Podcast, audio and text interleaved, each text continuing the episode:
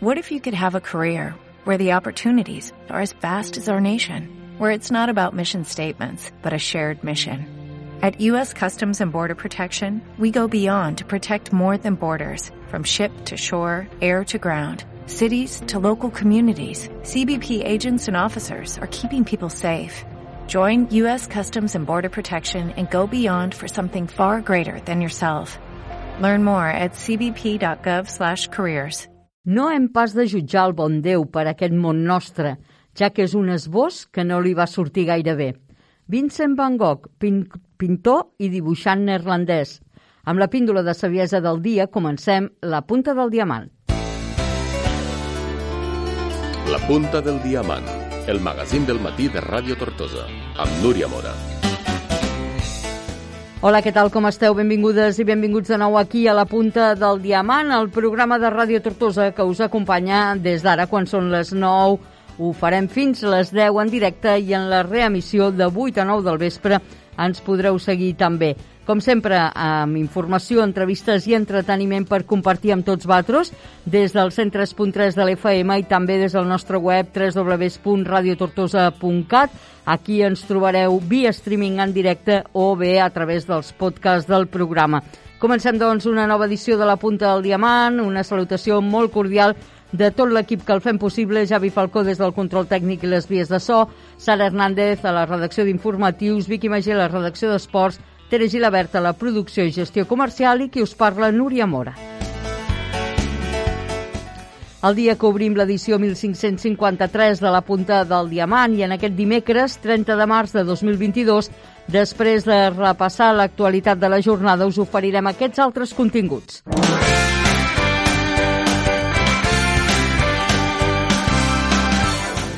Com cada setmana obrirem l'espai La Cultura que vivim, on parlarem avui de música i concretament del concert que la cantant, compositora, artista interdisciplinari i performer d'Ulldecona, Laura Guart, farà aquest diumenge al Teatre Auditori Felip Pedrell de Tortosa i que serveix per presentar el seu primer disc, Creodilia. I en l'espai culinari Fem un tas, la Margaret Nofre avui ens explicarà com fer faves tendres.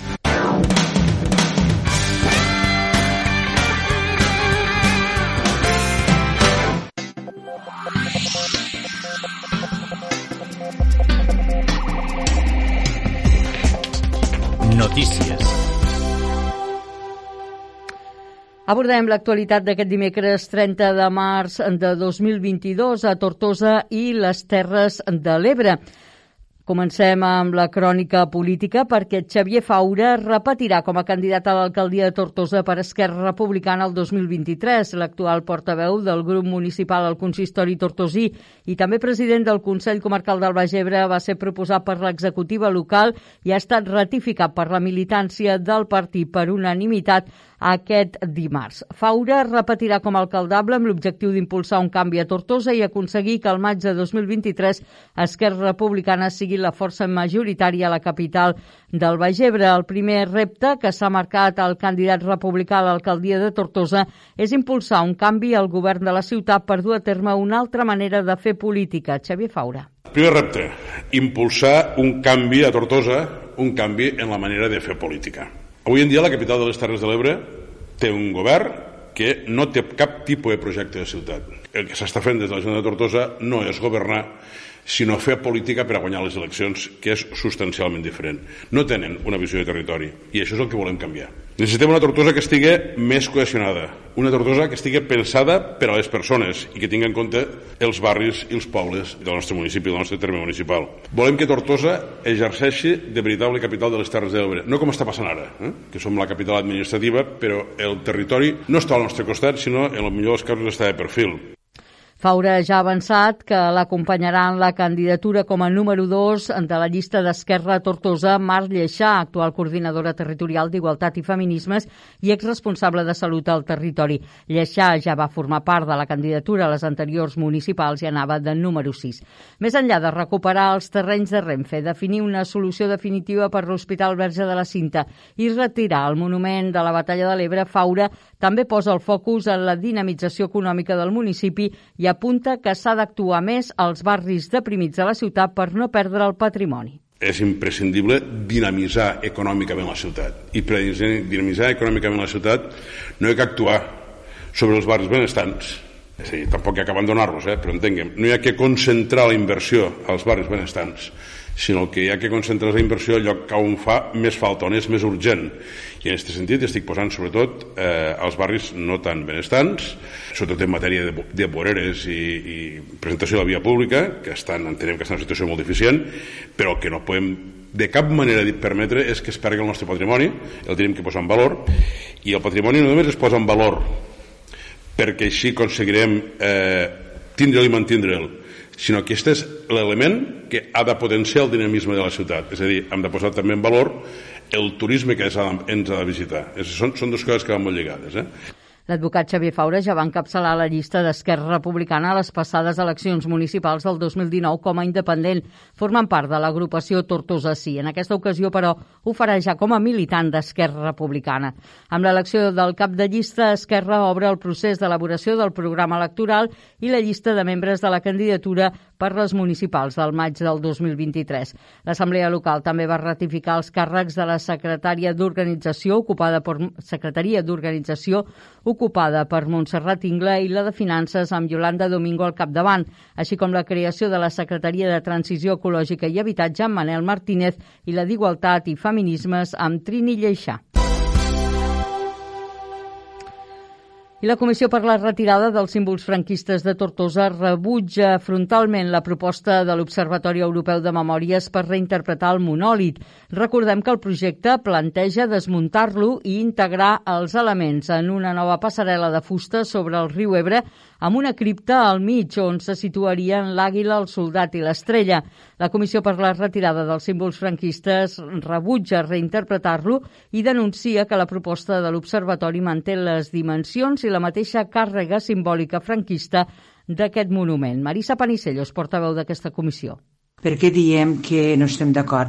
Perquè en realitat és una reinterpretació. O sigui, se conserva el monument en les seues dimensions, l'únic que es passa és de la verticalitat a l'horizontalitat. I no només això, sinó que a més a més o sigui, se li dona un valor a l'àguila que la portava a les seues urpes el Víctor de Franco, que li van traure, però no deixa de ser un símbol del dictador, i el soldat en el lucero de l'alba que és el símbol dels falangistes. Llavors o sigui que nosaltres estem completament desacord perquè a més a més li faríem com una cripta. Una cripta és un lloc on es guarda eh, les coses sagrades no? o sigui el monument s'ha de retirar de l'espai públic i després que es faci un centre de un centre de, de, de veure què, què ha passat explicant per què el van posar aquí i explicant o sigui per què després de tants anys encara continua aquí el col·lectiu que defensa reinterpretar el monument franquista de l'Ebre a Tortosa al Corembe, per la seva banda, tampoc veu amb bons ulls aquesta proposta de l'Observatori Europeu de la Memòria. Per ells, però, no es tracta de verticalitat o horitzontalitat, sinó de respectar el mandat de la consulta popular del 2016 i consensuar la reinterpretació des del diàleg. Argumenten que no respon aquesta proposta als seus plantejaments per preservar i conservar el monòlit en el seu estat actual i que la passarel·la no és necessària. Consol Cordero, portaveu del Corembe. Jo crec que el que primer s'hauria de fer és crear un espai de diàleg per a poder eh, reinterpretar aquest monument. Abans de començar a parlar de verticalitat o horizontalitat, seria qüestió de poder sentar-nos a parlar, de que hi hagi un diàleg, de que hi hagi realment un treball de memòria històrica a la ciutat de Tortosa que no l'hi ha. Aquestes propostes, doncs bé, és una passarel·la. Nosaltres pensem que no cal aquesta, aquesta passarel·la a, a, a prop, com està de, de, del pont de l'Estat, que fa poc se va rehabilitar i va costar quasi un milió d'euros la seva rehabilitació. Per tant, a tornar-nos a deixar tants de diners amb una passarel·la no és la nostra proposta. La nostra proposta és conservar el monument, rehabilitar-lo i ara en, en, el que estem és demanant en pressupostos participatius a l'Ajuntament que se pugui incloure la seva il·luminació. En canvi, l'alcaldessa de Tortosa, Meritxell Roger, de la proposta de l'Observatori, veu positiu que contempli aquesta passarel·la tal com s'ha reclamat des de l'equip de govern. A banda d'això, no ha volgut valorar la resta d'elements perquè no en té, ha dit, suficient informació. Roger remarca que la proposta no va acompanyada de finançament per executar-la i posa en dubte que compleixi els requeriments de la Confederació Hidrogràfica de l'Ebre. Jo crec que hi ha moltes coses qüestionables en este projecte, més enllà de que no sé si la Confederació Hidrogràfica acceptaria aquesta proposta pels gàlics o per la situació que té la mateixa proposta, però en definitiva l'únic que sí que voldria dir que, que contempla allò que nosaltres sempre hem dit, que no es quedi la pilastra sense res i contempla per tant una passarel·la. A partir d'aquí tot el que hi ha ho hem d'analitzar, s'ha de veure en detall, alguns ho ha d'explicar i per tant entenem que no és el moment ni, ni de valorar-ho perquè de fet no, no hi ha cap administració ni cap pressupost detrás. Recordem que el procés per desmuntar i retirar el monument franquista de Tortosa, que ja preveia fer la Generalitat el juliol de l'any passat, està aturat als jutjats i, per tant, no s'hi pot realitzar cap actuació. El Corembe ha denunciat al Tribunal Superior de Justícia de Catalunya la descatalogació del monument franquista. Quan això es resolgui, el jutjat contenciós de Tarragona decidirà també sobre les competències de la Generalitat per retirar-lo, un altre recurs que també va presentar el Corembe. La jutgessa va decretar mesures cautelars que van paralitzar que es retirés l'estiu passat. Canviem d'argument. Les Terres de l'Ebre han acollit a 305 persones ucraïneses que han fugit del seu país a causa de la guerra. La meitat són nens i la immensa majoria arriben acompanyats per dones. Les comarques que han acollit més refugiats són el Montsià i el Baix Ebre per aquest ordre, sent Amposta, Tortosa i la Ràpita les poblacions que els han rebut a través majoritàriament de famílies acollidores. S'han tramitat fins ara 206 targes sanitàries, 101 d'adults i 106 de menors. Fins ara s'han escolaritzat una cinquantena de xiquetes i xiquets provinents d'Ucraïna a diferents centres educatius de les Terres de l'Ebre. La taula de contingència del Comitè d'Acollida de Persones Refugiades, integrada pel govern i la Creu Roja, treballa per prioritzar que les persones que arriben puguin assolir els drets bàsics quan abans millor, com ara l'empadronament, l'escolarització o l'accés als serveis sanitaris. Ho ha explicat el delegat del govern a les Terres de l'Ebre, Albert Salvador. També s'està intentant que en aquesta primera fase de gestió de la crisi canalitzar les persones via Creu Roja i ara encara en allotjaments eh, col·lectius. El que estem prioritzant és que totes les persones que hi arriben hi arriben en tots els drets efectius. Per tant, per una part, que els ajuntaments eh, faiguen els empadronaments per tal de poder disposar de, ràpidament de les, de l'escolarització i de l'assistència sanitària d'aquestes persones, també que puguen acollir-se als ajuts socials si és el cas que, que, que, que toquen.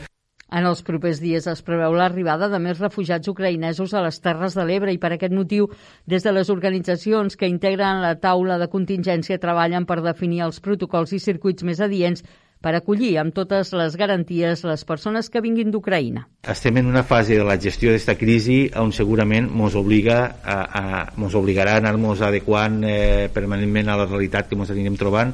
Nosaltres avui el que, lo que sí que preveiem és una arribada més massiva de persones refugiades d'Ucraïna de les que en els recursos convencionals eh, puguem, puguem gestionar. Per tant, sí que estem, estem en un moment en, on estem eh, definint protocols i circuits per tal de poder ser el més eficients possibles a, a l'hora d'acollir en garanties eh, les persones que vinguin d'allà.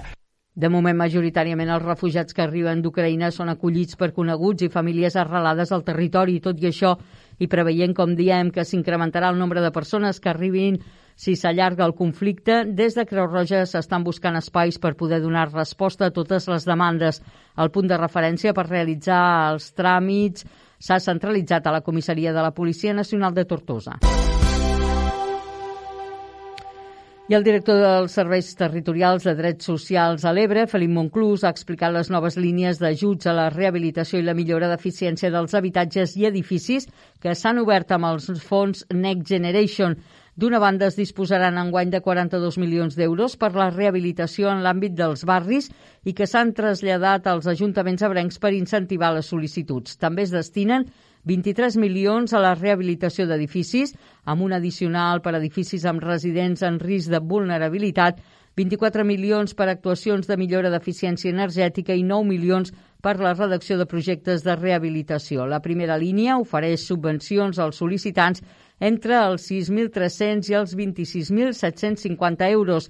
En la segona línia sobre els 3.000 euros, la tercera entre 700 i 4.000 euros i la darrera entre 1.100 i fins a 30.000 euros. Monclús ha assegurat que és una bona oportunitat per molta gent, tot i que la inflació comporta que aquests ajuts no puguin ser tan beneficiosos com es preveia en un principi.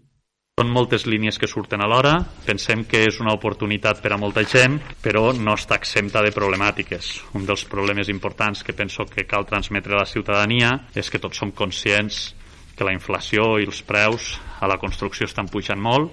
Este pot ser també un dels problemes que, que aquestes línies tan interessants que des d'Europa de, des i des de la Generalitat estem impulsant pues, puguen realment eh, no ser tan, tan beneficioses com en un principi havíem estat, havíem estat pensant. Tot i així pensem que és important que la ciutadania estigui a la white, s'informe i intente estimular tot aquest procés de millora, ja sigui a nivell de barris, que això ho han de fer els ajuntaments, les demandes, a nivell d'habitatges, a nivell d'edificis o a nivell de llibre de l'edifici. Els tràmits s'han de fer en línia, però també amb el suport, eh, però amb el suport de les oficines locals de rehabilitació. N'hi ha una a cada comarca i una cinquena a Tortosa. I han anul·lat, eh, anulen la llicència de la planta de compostatge de Santa Bàrbara perquè faltava l'avaluació ambiental. L'Ajuntament de la població ha admès el recurs de reposició presentat pel GPEC i AMB Saba i d'aquesta manera la llicència ambiental que va atorgar l'Ajuntament de Santa Bàrbara per la planta de compostatge ha quedat anul·lada. Tere Giner.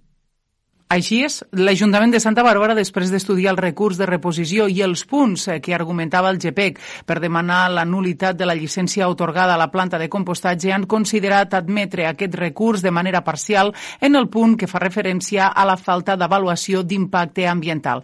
Ens ho explicava l'alcalde de Santa Bàrbara, Antoni Olles.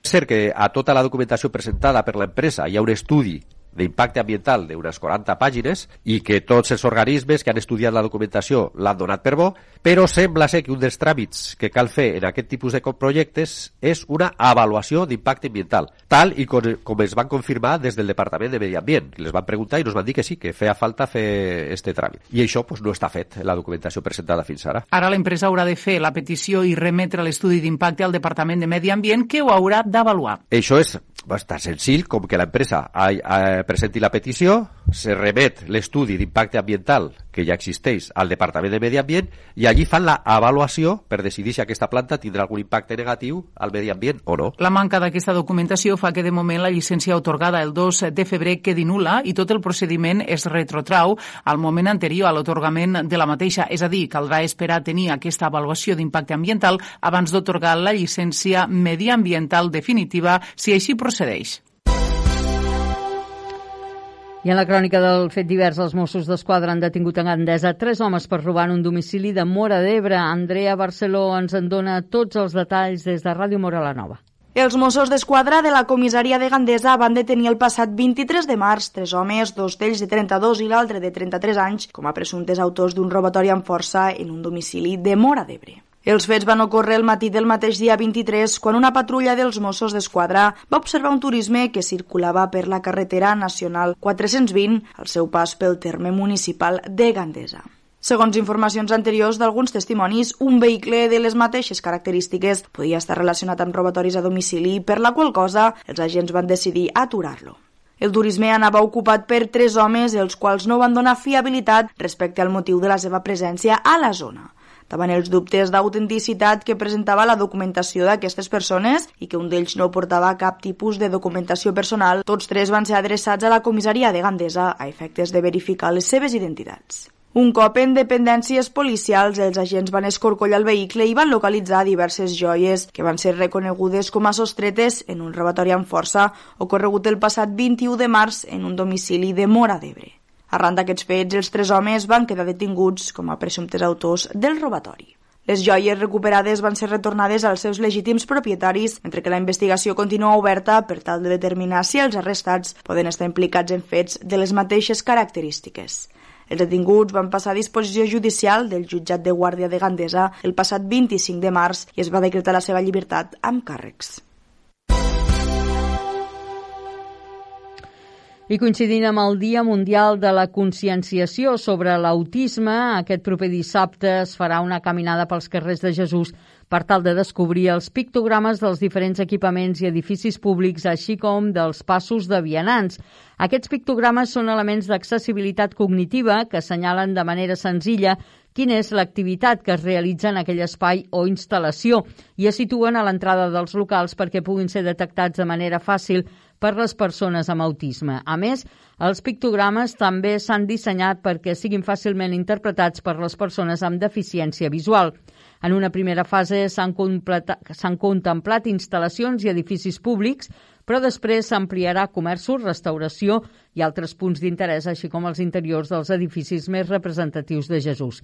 Per altra banda, els pictogrames dels passos de vianants segueixen la seqüència atura't, mira, cotxe aturat, creua, que ajuda a millorar la seguretat al creuar els carrers. Aquests pictogrames són de color blau perquè és el color que més ràpidament identifiquen les persones amb autisme. Aquestes accions tenen l'objectiu de contribuir a un món més accessible, inclusiu i augmentar la seguretat vial i al mateix temps sensibilitzar la societat. La iniciativa ha estat materialitzada per l'MD de Jesús impulsada i dissenyada amb la col·laboració del Centre de Diagnòstic i Intervenció Psicològica Montea i pel Centre d'Educació Especial Sant Jordi. Els símbols que s'utilitzen són propietat del govern d'Aragó i han estat creats per Sergio Palau per Arasac, qui els distribueix sota llicència Creative Commons. Notícies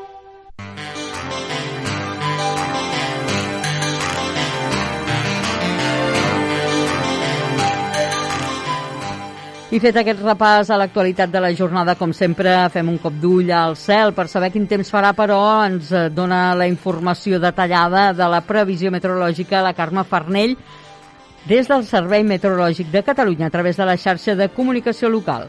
Bon dia, avui ens hem despertat amb una temperatura més alta que la d'ahir en aquesta mateixa hora, amb aquests 15 graus al Canà, 9 graus a Gandesa, o bé si tirem una miqueta més cap al nord, a Vinebre, ara mateix amb aquests 9 graus.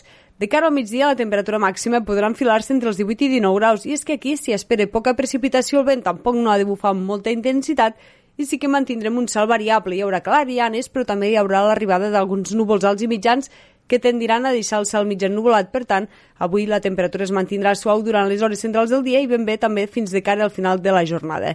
Cal dir que estarem a l'espera de canvis i és que demà continuarem parlant d'un temps intermitent perquè s'esperen alguns ruixats però més cap al nord del territori i sí que divendres baixaran força les temperatures i a més el vent entrarà amb ganes. Això és tot des del Servei Meteorològic de Catalunya.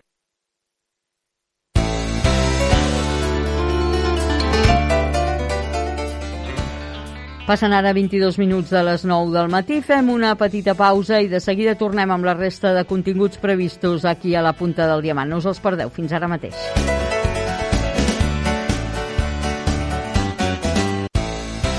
La punta del diamant.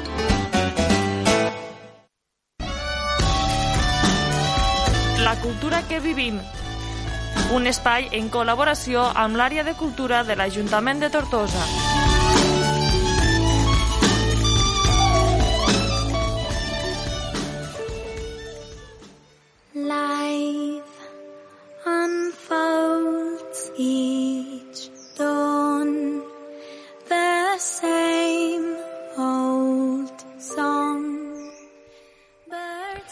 Avui a la cultura que vivim parlem de música i concretament d'això que escoltem. Del concert de la cantant, compositora, artista interdisciplinar i performer d'Ull de Cona, Laura Guart, que farà aquest diumenge al Teatre Auditori Felip Pedrell de Tortosa i que serveix per presentar el seu primer disc, Creodilia, aquest que estem escoltant. Ha estat l'únic artista de les Terres de l'Ebre nominada als Premis Enderroc 2022 en la, en la categoria de millor artista emergent. Laura Guart, molt bon dia, benvinguda. Hola, molt bon dia, un I, plaer. I moltíssimes gràcies per atendre la nostra invitació de aquest és el teu disc de debut, Creodilia, Quin significat sí. té aquesta paraula? Doncs aquesta paraula um, agafa la paraula creot, que és un tecnicisme en biologia, eh, que ve de les paraules gregues, gregues cre i odos, significa camí necessari, i és el camí necessari que fa una cèl·lula per arribar al seu destí. Una cèl·lula que és embrionària, que bueno, pues ha d'anar a parar un ull o un fetge, i, i per a poder fer arribar al seu destí pues, hi ha com un caminet esculpit al seu paisatge biològic, que és aquest creode. No? Llavors em vaig inspirar en aquesta idea um, perquè per mi també fer creodília és un compromís per uh, fer el meu camí autèntic. Uh -huh. I on vols arribar? On ha d'arribar aquesta cèl·lula? Ah, bueno, això la veritat és que no ho tinc tan clar, però bueno, jo crec que el que tinc clar és el camí Uh -huh. i, i llavors, pues, aviam, no? Aviam on em porta uh, aquesta cèl·lula. Eh, jo, uh, el disc sí que ja, ja ha sortit i, i la veritat és que el que tinc moltes ganes és que la gent escolti, que la gent vingui als concerts i que pugui haver aquesta connexió a través de la música en, en, en altra gent, no? Uh -huh. Aquest disc arriba després d'haver publicat dos singles autoproduïts. Quin ha estat el procés de creació fins a arribar a l'obra completa de Creodília? Bé, doncs, com deies, vam començar amb Fleeting Light i Nàufrags, que van ser els dos primers singles, que de fet van, los vam produir amb, amb el meu company Chris mentre estàvem encara vivint a, vivint a Londres, que ara hem vingut a, aquí a Terres de l'Ebre, i estàvem uh, confinats, no? Estàvem amb el confinament i, i vam aprofitar per fer la producció d'aquests dos singles des de casa, i després pues, vaig anar composant més cançons, no? També el, jo crec que al tenir una mica de temps amb la pandèmia, mm. doncs m'hi vaig llançar, que és una cosa que tenia moltes ganes de fer, i després ja al vindre aquí vam anar a un estudi a Banyoles, a l'Olivera Estudi, amb el Dic Moliner, el Pau Brugada i la Laia Vallès, que també toca al directe, i vam fer com un equip de coproducció, o sigui que una mica, bueno, jo tenia les cançons composades i entre tots vam anar fent els arranjaments i, i donant-li forma a, en este disc musicalment i, i, i en tota la, la coherència, en, en moltes línies que jo ja tenia molt clares que volia explorar, eh, com ara incloure son, alguns sons de la natura, hi ha sons de, enregistrats de flamencs del Delta de l'Ebre, sons de pedres d'Ullecona, d'ocells de, de diferents llocs del món, eh, i després també hi ha un, una búsqueda d'un equilibri entre un so més analògic, més orgànic, i un so més electrònic, no? Llavors estem allà experimentant una mica, també jugant molt amb les veus, que és algo que, que jo porto moltíssim bagatge de fa molts anys d'experimentar amb la creació i la composició amb la veu des de diferents vessants i jo crec que això està reflectit al disc també. Uh -huh. Escoltem una miqueta d'aquest eh, disc. Naufrags sota dos terrats que custodien un poble buit. Dos naufrags ens mirem Aquesta és Nàufrags, eh? un d'aquests primers temes que, que vas compondre. El disc conté 10 cançons i com tu dius, eh, la teva veu interactua amb, amb instruments però també amb aquests elements naturals, no? Eh, sí. Què has volgut explicar amb aquestes 10 històries? Doncs um, jo crec que un dels eh, eixos vertebradors és, és, de fet, això de la connexió amb el paisatge, no? la connexió amb, amb la natura.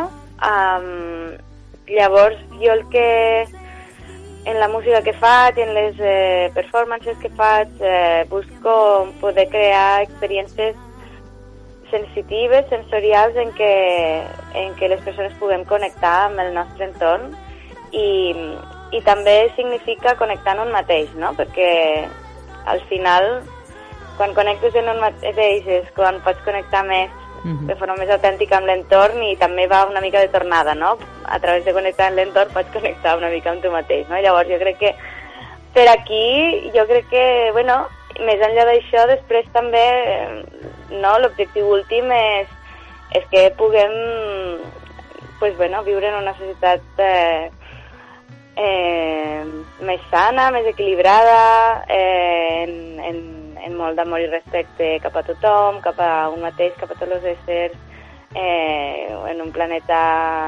en equilibri, que el tractem amb, amb cura, um, va per aquí. Mhm. La Laura Guart va estudiar piano clàssic i clarinet al Conservatori de Tortosa, després et vas graduar a l'ESMUC i has obtingut un màster en creació de performance contemporània per la Universitat de Londres, que és on has viscut eh, fins fa relativament poc temps. Quan i per què comences a interessar-te per l'experimentació amb sons de la natura? Abans ens deies fins i tot pedres d'Ulldecona, no? Eh, sí, sí. Vaja, que a vegades dius, ostres, com pot treure sons d'unes pedres, no? Que és un, un material a, aparentment inanimat, no? Eh, Aparentment. Com, aparentment, aparentment, per això dic, no? Que segurament tu li has sabut, sabut treure aquesta ànima, no? Sí, sí, sí. Com, com et comences a interessar per tot aquest món? Sí, és una bona pregunta. Jo crec que amb el procés que, que he fet a Londres i, i sobretot també lligat al màster aquest de creació de performance contemporània, ahir comen, començo a explorar, no? perquè és un màster de, bueno, de creació i de col·laboració amb altres artistes, de, però molt de, de també buscar maneres innovadores d'expressar, de, de comunicar un, una idea, un, un, bueno, un, una emoció, el que sigui. I llavors, um, a partir d'allà, comencem a crear performances també amb altres companyes que, que, bueno, que, que lliguen molt amb, amb això que et deia de, del tret de la natura i, i comencem a, a fer peces que, que inclouen gravar una mica sons de l'entorn i posar-los en, en una pista d'àudio que la gent pot escoltar amb auriculars, per exemple, mentre eh, passa per, per un túnel subaquàtic baix del riu Tàmesis, no? Llavors jo crec que aquesta va ser la primera experiència per mi d'enregistrament sonor, de, de vale, anem a gravar els sons que hi ha en, en aquest entorn, en aquest ambient, i anem a incloure'ls en aquesta peça d'experiència de caminada, de passejada sonora, no? Mm -hmm. I a partir d'aquí, pues, també va sortint uh, en mi se va desenvolupant tot un interès al voltant d'aquests temes fins que fins i tot he rebut una beca recentment per Sí. sí. anar a enregistrar els sons de les glaceres a Islàndia. Mm -hmm.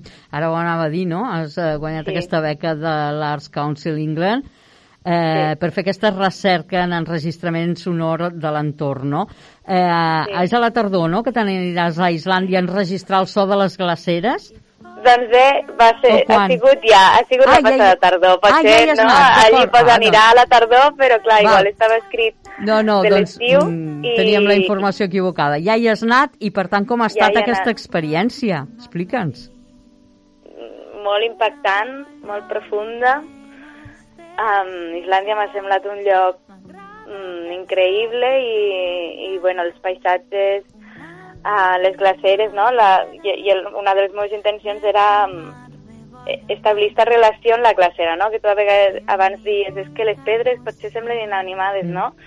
Eh, però inclús les glaceres eh, allà almenys se consideren éssers vivents i, vaja, per mi ho són perquè es mouen, fan soroll, eh, no? diuen que tenen fills que són els icebergs i inclús moren. Eh, vaig estar a la primera glacera d'Islàndia que ha mort, s'ha Carai. desglaçat completament Mm?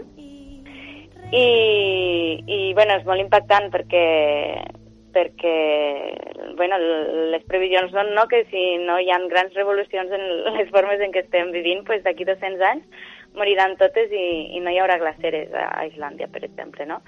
Llavors, eh, per mi va ser molt interessant establir este contacte sonor en la glacera, eh, posar-me a cantar, improvisar també allà al gel, gravar-ho. Um, I ara estic treballant en, en com, com traure alguna cosa a partir d'aquí, no?, per compartir, uh, tant, tant sigui a través de, de, de discografia com de performances i, i experiències, no?, per compartir amb el públic. Això t'anava a dir, no? D'aquí què en sortirà, no? O potser et surt un altre disc, un espectacle, Sí. o estàs Sí. encara valorant, no? Però segur que Bueno, sortirà alguna sortiran cosa. Les dues coses, però Les sí, dues coses. Sí, estic en, estic en ello, sí. Mhm. Eh, abans, com dèiem en la presentació, justament has estat nominada també a la millor artista emergent als Premis en The Rock. Eh, tot i no emportar-te el guardó, com valores aquesta nominació, Laura? Home, doncs la veritat és que va ser una gran alegria poder arribar a les uh, semifinals um, perquè, bueno, de, de tothom, no? Només arribaven com 10 persones i, i la veritat és que també vaig rebre molt de suport de molta gent que, que, bueno, que, que em va animar i etc. I llavors, pues, jo crec que va ser bonic, va ser bonic estar nominada i va ser bonic pues, que rebre també este caliu no? de, de la gent i, i ja està, jo crec que per primer any discogràfic eh, està superbé poder haver pogut estar en aquestes nominacions. Sí. Uh -huh. I també doncs, eh, que, que es valora no? el, treball que estàs fent i que, i que agrada també, no? Uh -huh. Sí, sí, valor. jo crec que... Sí, un tipus de música manera... que potser no estem tan avasats, però que cada Clar. vegada doncs, està agafant més força també, no? I que és interessant també que arribi al gran públic.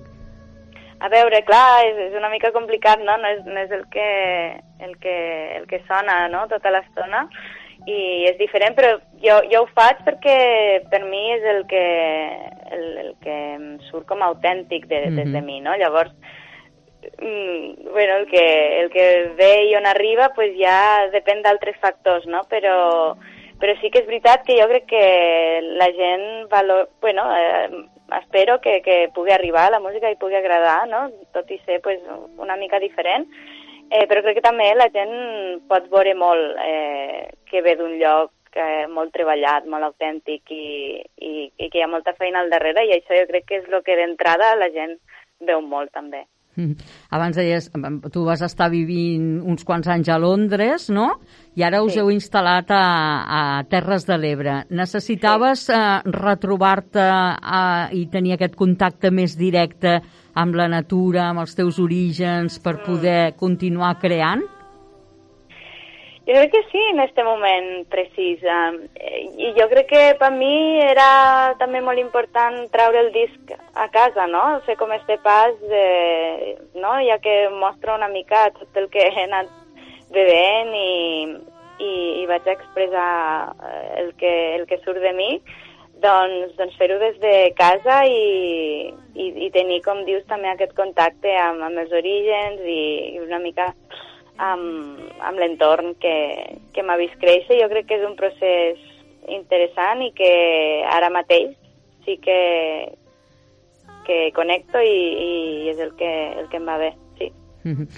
Mm, com definiries la teva música? Perquè llegia no? que el periodista de Radio 3, Santiago Alcanda, ha definit el disc dient al final és pop però sona avantguàrdia. No sé si t'agrada aquesta mena de definició, sí, sí com ell l'ha interpretat el disc, és el que tu mm. volies fer arribar d'alguna manera.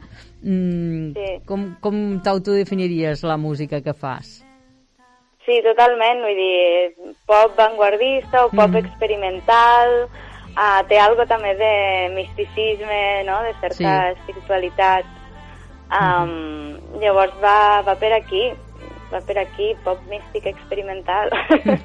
no sé, però sí, no, la, el que va comentar el Santiago Canda va estar molt bé perquè perquè sí, va dir que tenia clar com molts ingredients i que sí que al final la base sonava pop però, o sigui, era pop però sonava avantguàrdia mm -hmm. perquè um, perquè bueno, hi, ha, hi ha com una combinació molt original i que li recordava, recordava una mica el que havia fet Kate Bush, no? que, que mm -hmm. és una artista que també admiro molt, llavors pues, vaig estar molt contenta amb, amb la seva crítica. Mm -hmm.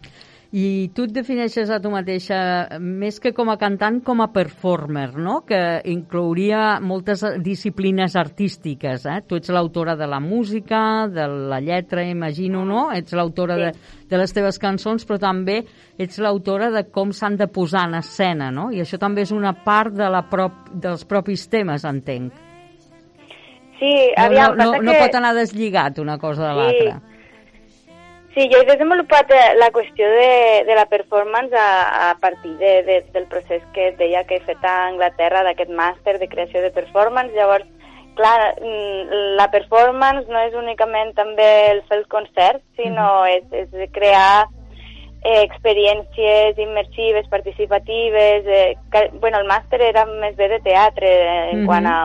O sigui, no teatre, però estava com al departament de teatre, yeah. no? Vull dir que, que, era, que era crear espectacles, realment. Crear espectacles on, on pues, han fet tant espectacles com com et deia, de passejades sonores al voltant mm. dels rius, uh, com sempre hem tingut la veu com a eix vertebrador i element principal i han fet que el públic, eh, en lloc d'estar assegut com estan al teatre normalment, sí. pues estan moltes vegades a l'aire lliure o dins d'una sala però seguint l'acció de, dels performers, no? Uh mhm. -huh. Llavors és com una experiència diferent. Llavors això és el que jo he desenvolupat com a performer i que òbviament jo crec que té una influència pues, quan faig concerts també o quan faig, poso en escena un, un disc de pensar una mica en tots els uh, detalls també de, de posada en escena, com dius. Mm -hmm. Com serà el concert que podrem veure aquest diumenge al Teatre Auditori Felip Pedrell de Tortosa? És, el, eh, eh, és on presentes el disc per primera vegada davant del públic o, o no? Doncs serà la segona. La, la segona. primera va ser a Ulldecona. Home, a casa. Clar, a casa. No? la segona a Tortosa i la tercera a Barcelona. Molt bé. Um, Llavors, Ulldecona, um... Tortosa, Barcelona, eh? Això és com allò sí. de Reus, París, Londres, però Ulldecona, Tortosa, Barcelona, molt bé. Sí, llavors, bueno, serà preciós. Eh, hem estat aquest cap de setmana passat assajant amb tota la banda. Tenim el Chris Murphy al piano, a la Laia Serat als sintetitzadors modulars, a la, el Greg Gottlieb al baix, a la Serat Penyat a la bateria.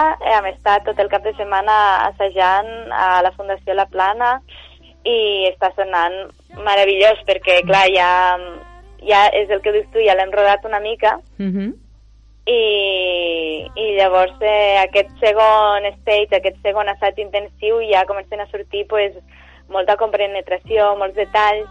També tinc una bueno, sorpresa que ja puc anunciar, eh, que eh, no? cantaré la cançó de Sediments acompanyada també perquè bueno, és la cançó d'aquí de, del Delta i volia també reforçar-la i vindrà la cantant Maria Mignorance de la Sènia a cantar-la mm. en mi.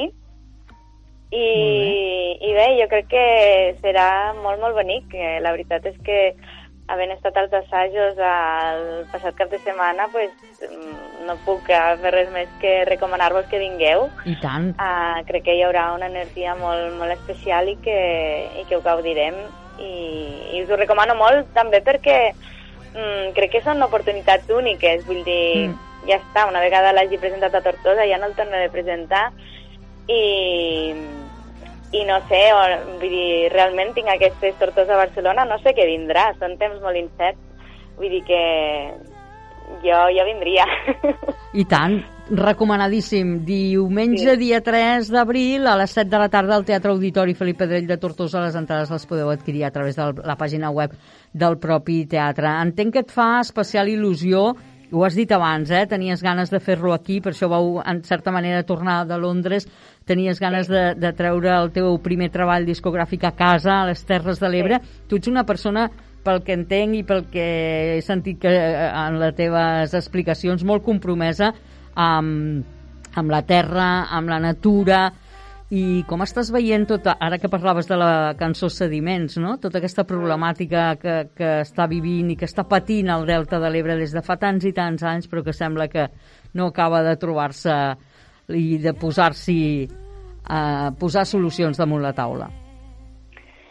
Sí, jo crec que s'han de posar solucions ja, no? Um, jo, bueno, no, crec que va ser fa, fa un any i mig que vaig somiar amb la cançó aquesta de Sediments i la vaig escriure perquè per mi representa com una solució molt evident, no? que hem estat també llegint el, el, el llibre Terra Presa de Josep Joan, que ell parla mm -hmm. de tota la gestió de Josep Joan Segarra, de la, dels sediments, i, però bueno, inclús abans de llegir el llibre és que el delta són sediments, llavors eh, fa falta no? que, que aquests sediments no es quedin estancats als pantans i, i arribin fins al delta, perquè el delta és això, i llavors si, si això no arriba i el mar va guanyant terreny, doncs és un problema gran i a més hi ha com moltes altres um, uh, problemàtiques que s'afegeixen. No? Llavors, eh, la gestió dels sediments és possible, també és possible que Endesa, que és el que té els pantans, eh, pagui tot el que deu um, de tots aquests anys de concessió, 60 anys, eh, que, que havien de, de, de pagar la taxa per um, poder compensar no, els efectes ambientals que no s'han pagat Llavors, pues, hi ha coses que es poden fer, i tant. Uh -huh. eh, però, bueno, hi ha, hi ha d'haver també, pues, eh, jo crec que des de, des de moviments socials i activistes i des dels moviments artístics també, pues, bueno, posem els punts sobre les is i fem tot el que podem, eh, però, bueno, també ha d'haver, pues, la voluntat política i, i etc. Aviam. Uh -huh. La Laura Guart, que ha treballat també com a vocalista professional en formacions a capella, cors de música modernes per presentat, com tu deies, no? moltes eh, performances, rutes participatives. Eh, vas participar inclús al programa de TV3 o Happy Day amb els Barcelona Gospel Messengers. Eh, a partir d'ara, a partir d'aquest disc, de presentar-lo ja a Ull de Cona, ara a Tortosa i de, a Barcelona, per cert, quan és? El 23 d'abril. Mira, el dia de Sant Jordi, per si algú Sí. està per Barcelona, que és un dissabte Sí. més a més, també a quina sala? Fabra i Coats. Allà a la Fabra i Coats, molt bé. Doncs eh, deia això, no?, que a partir d'ara què? Tens ganes, per exemple, del disc, que te faria il·lusió poder-lo presentar també a Londres, on també tens allò un... Sí, sí que m'agradaria, la veritat. Um, aviam, aviam si, si surt. La veritat és que, um, clar, sembla també com molt bonic l'estar no, dedicant-se a cantar, a composar, però en veritat hi ha moltes hores, us ho confesso també, Mm. darrere de l'ordinador, fent gestions, fent management, fent producció, no? que mm, al punt en què estic ho estic fent jo mateixa tot i, i bueno, a veure si puc organitzar algo a Londres, no? aprofitant també els contactes Clar. i, i etcètera, però, però sí, és algo que tinc en ment, vull dir, és algo que mm, logísticament encara no he pogut organitzar, però que tinc en ment que pugui passar properament, sí, a Londres i... Bueno, i de fet a, a Reykjavik ja el van presentar, eh? Va, Ah, va ser home, molt... molt bé. Va ser molt... Va ser a format duet, però allí les coses fluixen així molt ràpidament. Com són poqueta gent, Mm. és molt fàcil d'organitzar-se. Que bé. I, i aviam, aviam a Londres i, i aviam si ho podem moure també. Jo crec que és un disc que, que pot agradar fora també de d'aquí. Vull dir que per mi ha sigut important venir aquí, però que, que, que sí, que, que pot també tenir, tenir repercussió fora. Mhm. És una és un tipus de música que és també molt universal, no? Mm, Perquè, a més a més, també combines eh, i tres idiomes, que són el català, el castellà i l'anglès, en diferents cançons, no? Per tant, també mm, la música és universal ja de per si, no? Però, Sí. evidentment, és un, una música que t'embolcalla i que qualsevol, a qualsevol part del món doncs, pot, pot funcionar, sens dubte. A, paral·lelament a, a la projecció d'aquest disc, quins altres projectes tens entre mans, Laura? Doncs mira, tinc, um, tinc treballar amb els sons d'Islàndia com, a, Sí? com a prioritat, a part de, de fer tota la gira de Creodília i, i moure Creodília. Tinc, um, bueno, ja vaig fer ara fa poc una residència a Cal Enriqueta, que és un espai a, a Deltebre, Mm. que és una, una casa uh, que acull residències artístiques de dones. Mm. I, i llavors um, allí en aquesta residència el que vaig fer va ser, pues, va, em, tanco allí uns dies i, i em torno a posar amb els sons que vaig gravar a Islàndia i començo a, a desenvolupar les cançons de, bueno, d'aquest possible nou treball, no? I, i vaig estar treballant en, en dos, estic uh, bastant contenta de, de com està funcionant i, bueno, i a part pues, també mirant de trobar oportunitats de desenvolupar enregistrament sonor aquí, a Terres de l'Ebre i, i a llocs de la Mediterrània, perquè és algo que de fet he fet a Londres i he fet a, a, a Islàndia, però que òbviament aquí també hi ha molt potencial i, i moltes coses a, a dir, a compartir i a fer. És un món inacabable aquest del son, segurament, eh? Per tant, tens, Sí. tens molt per explorar. Recordeu, eh, presentació d'aquest eh, primer disc de la cantant, compositora, performer, artista interdisciplinar, com dèiem, Laura Guar, que ella és d'Ulldecona, presenta el seu primer disc Creodilia aquest diumenge al Teatre Auditori Felip Pedrell de Tortosa a les 7 de la tarda. Una experiència única, com deia ella, i que us recomanem moltíssim. I per aquells que esteu a Barcelona, el 23 d'abril, a la fàbrica Fabra i Coats, a, al, a Sant Andreu de. Barcelona, doncs eh, també el presenta. Laura, moltíssima sort, ja tenim ganes també de, de que vegi la llum aquests nous projectes que han sorgit d'aquesta estada a Islàndia, però de moment eh, assaborirem aquest creodilia, aquest camí no? Eh, necessari d'aquesta cèl·lula per arribar a la seva destinació, com ens explicava al principi el significat de- d'aquest títol.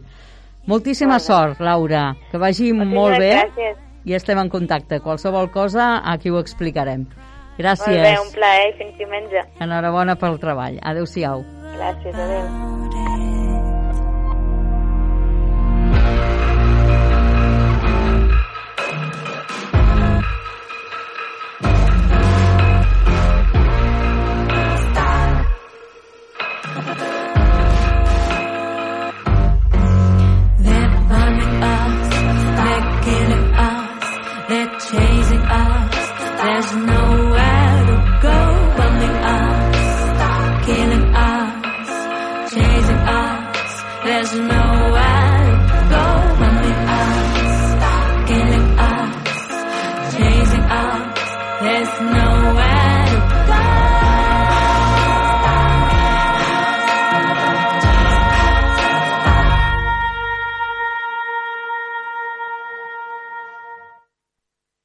Punta del diamant, amb Núria Mora.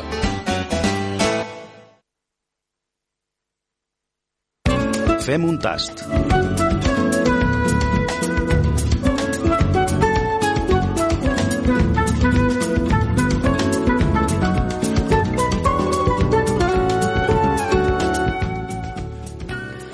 Obrim també la cuina de la punta del diamant en aquest, eh, com, com fem cada setmana i ho fem amb la nostra col·laboradora, la nostra xef particular, la Margaret Nofre. Molt bon dia, Margaret, benvinguda. Hola, bon dia, ben retrobat. Gràcies per acompanyar-nos novament. Bé, avui amb un producte que doncs, ara comença a estar ja en plena temporada, no? que són les faves tendres.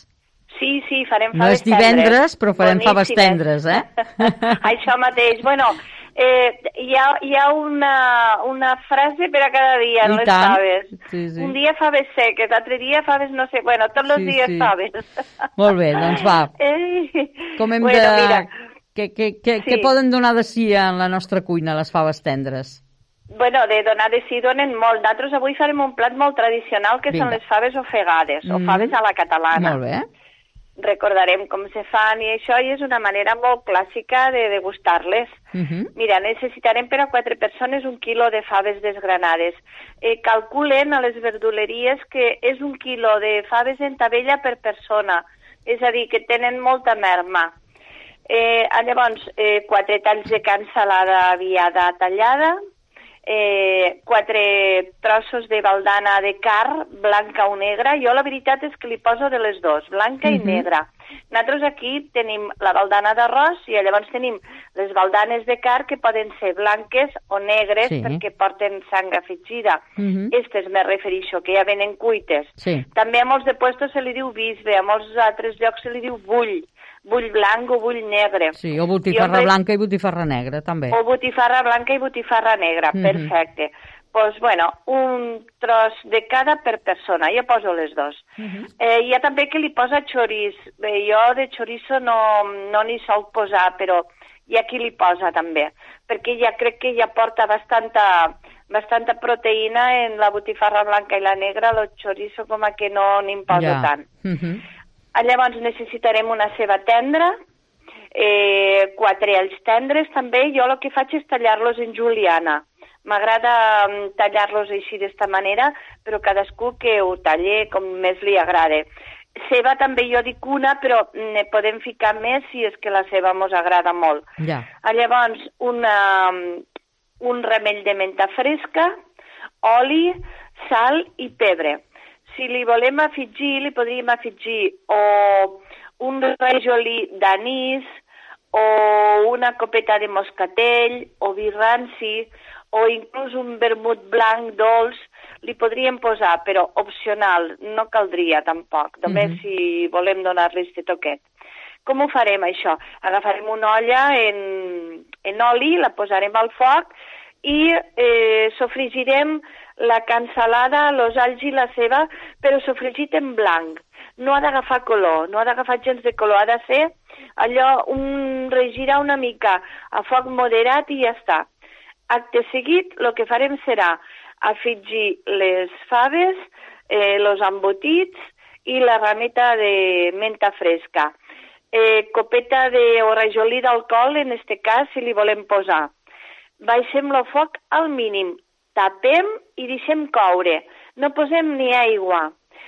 Sal, cuidado, jo no poso sal perquè si posem l'embotit, la cansalada, les faves ja són fortetes, no li poso sal. Mhm. Ah, Llavors te vas menjant la, les faves que són més amorosetes i contrasten una mica en l'embotit que sí que està salat. Jo això ho tinc uns 20, 25, pot arribar fins a 30, depèn de lo tendres que siguin les faves, al foc. I de tant en tant anem sacsant, és a dir, li anem pegant toms eh, per a que les faves que estan baix i tot Sí. lo que, tota la família que hi ha baix pugen dalt Mhm. i vagin així intercanviant-se. A l'estar tapat en foc molt lent, eh, este vapor d'aigua arriba dalt a la tapa eh, se converteix en aigua i torna baix a baix. I ofega les faves, per això es diuen faves ofegades. Uh -huh.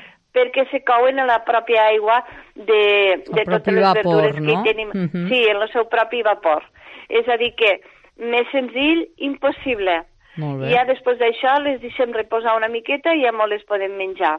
Estan boníssimes. Oh, tant. Després, podríem fer el mateix en pèsols. Ara també Mm. mm. temps de pèsols, podríem fer-hi el mateix, la mateixa actuació en pèsols, és a dir, mm, no hi ha cap classe de variació. Uh -huh. Després, si en fem més del compte expressament Sí. o perquè m'ho han sobrat, eh, com que això se mos aguantarà tres o quatre dies a la nevera, li podem donar unes altres sortides. Per exemple, podem agafar una paella, una mica d'oli i allí fem un sofrigidet d'all, ceba i salsa de tomata.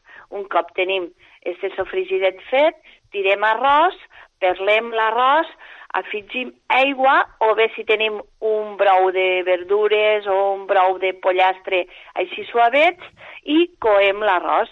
I a mitja cocció de l'arròs aboquem tot el que mos ha sobrat d'estes faves ofegades. Ho aboquem a l'arròs i fem un arròs en faves fantàstic. Mos queda boníssim aquest arròs. Oh, I tant. I una altra, i una altra manera d'aprofitar-ho també és posem en, una, en un colador que escorrigue bé el suc, aquestes faves, aquestes sobres, sobralles de faves, i això sí, agafem l'embotit, si l'hem ficat tot en un tros, ho fem a trossos més petits. Aquest embotit el que fem en una paella, en una mica d'oli, eh, lo saltem. Inclús podem saltar les faves ben escorregudes, tot saltadet. Mhm. En un bol a part batem uns ous, depèn de les faves ofegades que ens hagin sobrat. 3, 4, 5 ous.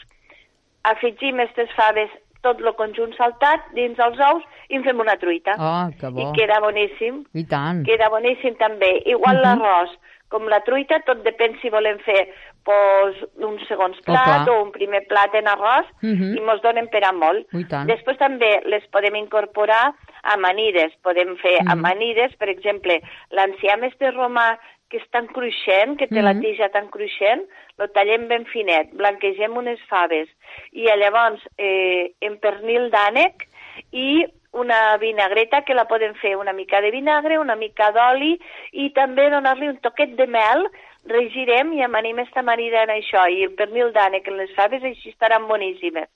No, no mm, utilitzéssim mai les faves crues. No. Eh, la fibra ja sabem que si no la coem després provoca flatulències. Mhm. Llavors el que farem serà posar a bullir aigua en un polsim de sal, quan està bullint tirem les faves desgranades, les tenim hasta que torne a arrencar el bull, un parell de minutets, i al costat un bol en aigua freda, i si pot ser Mhm. en gel millor, escorrem les faves i les fiquem en seguida dins de l'aigua en gel.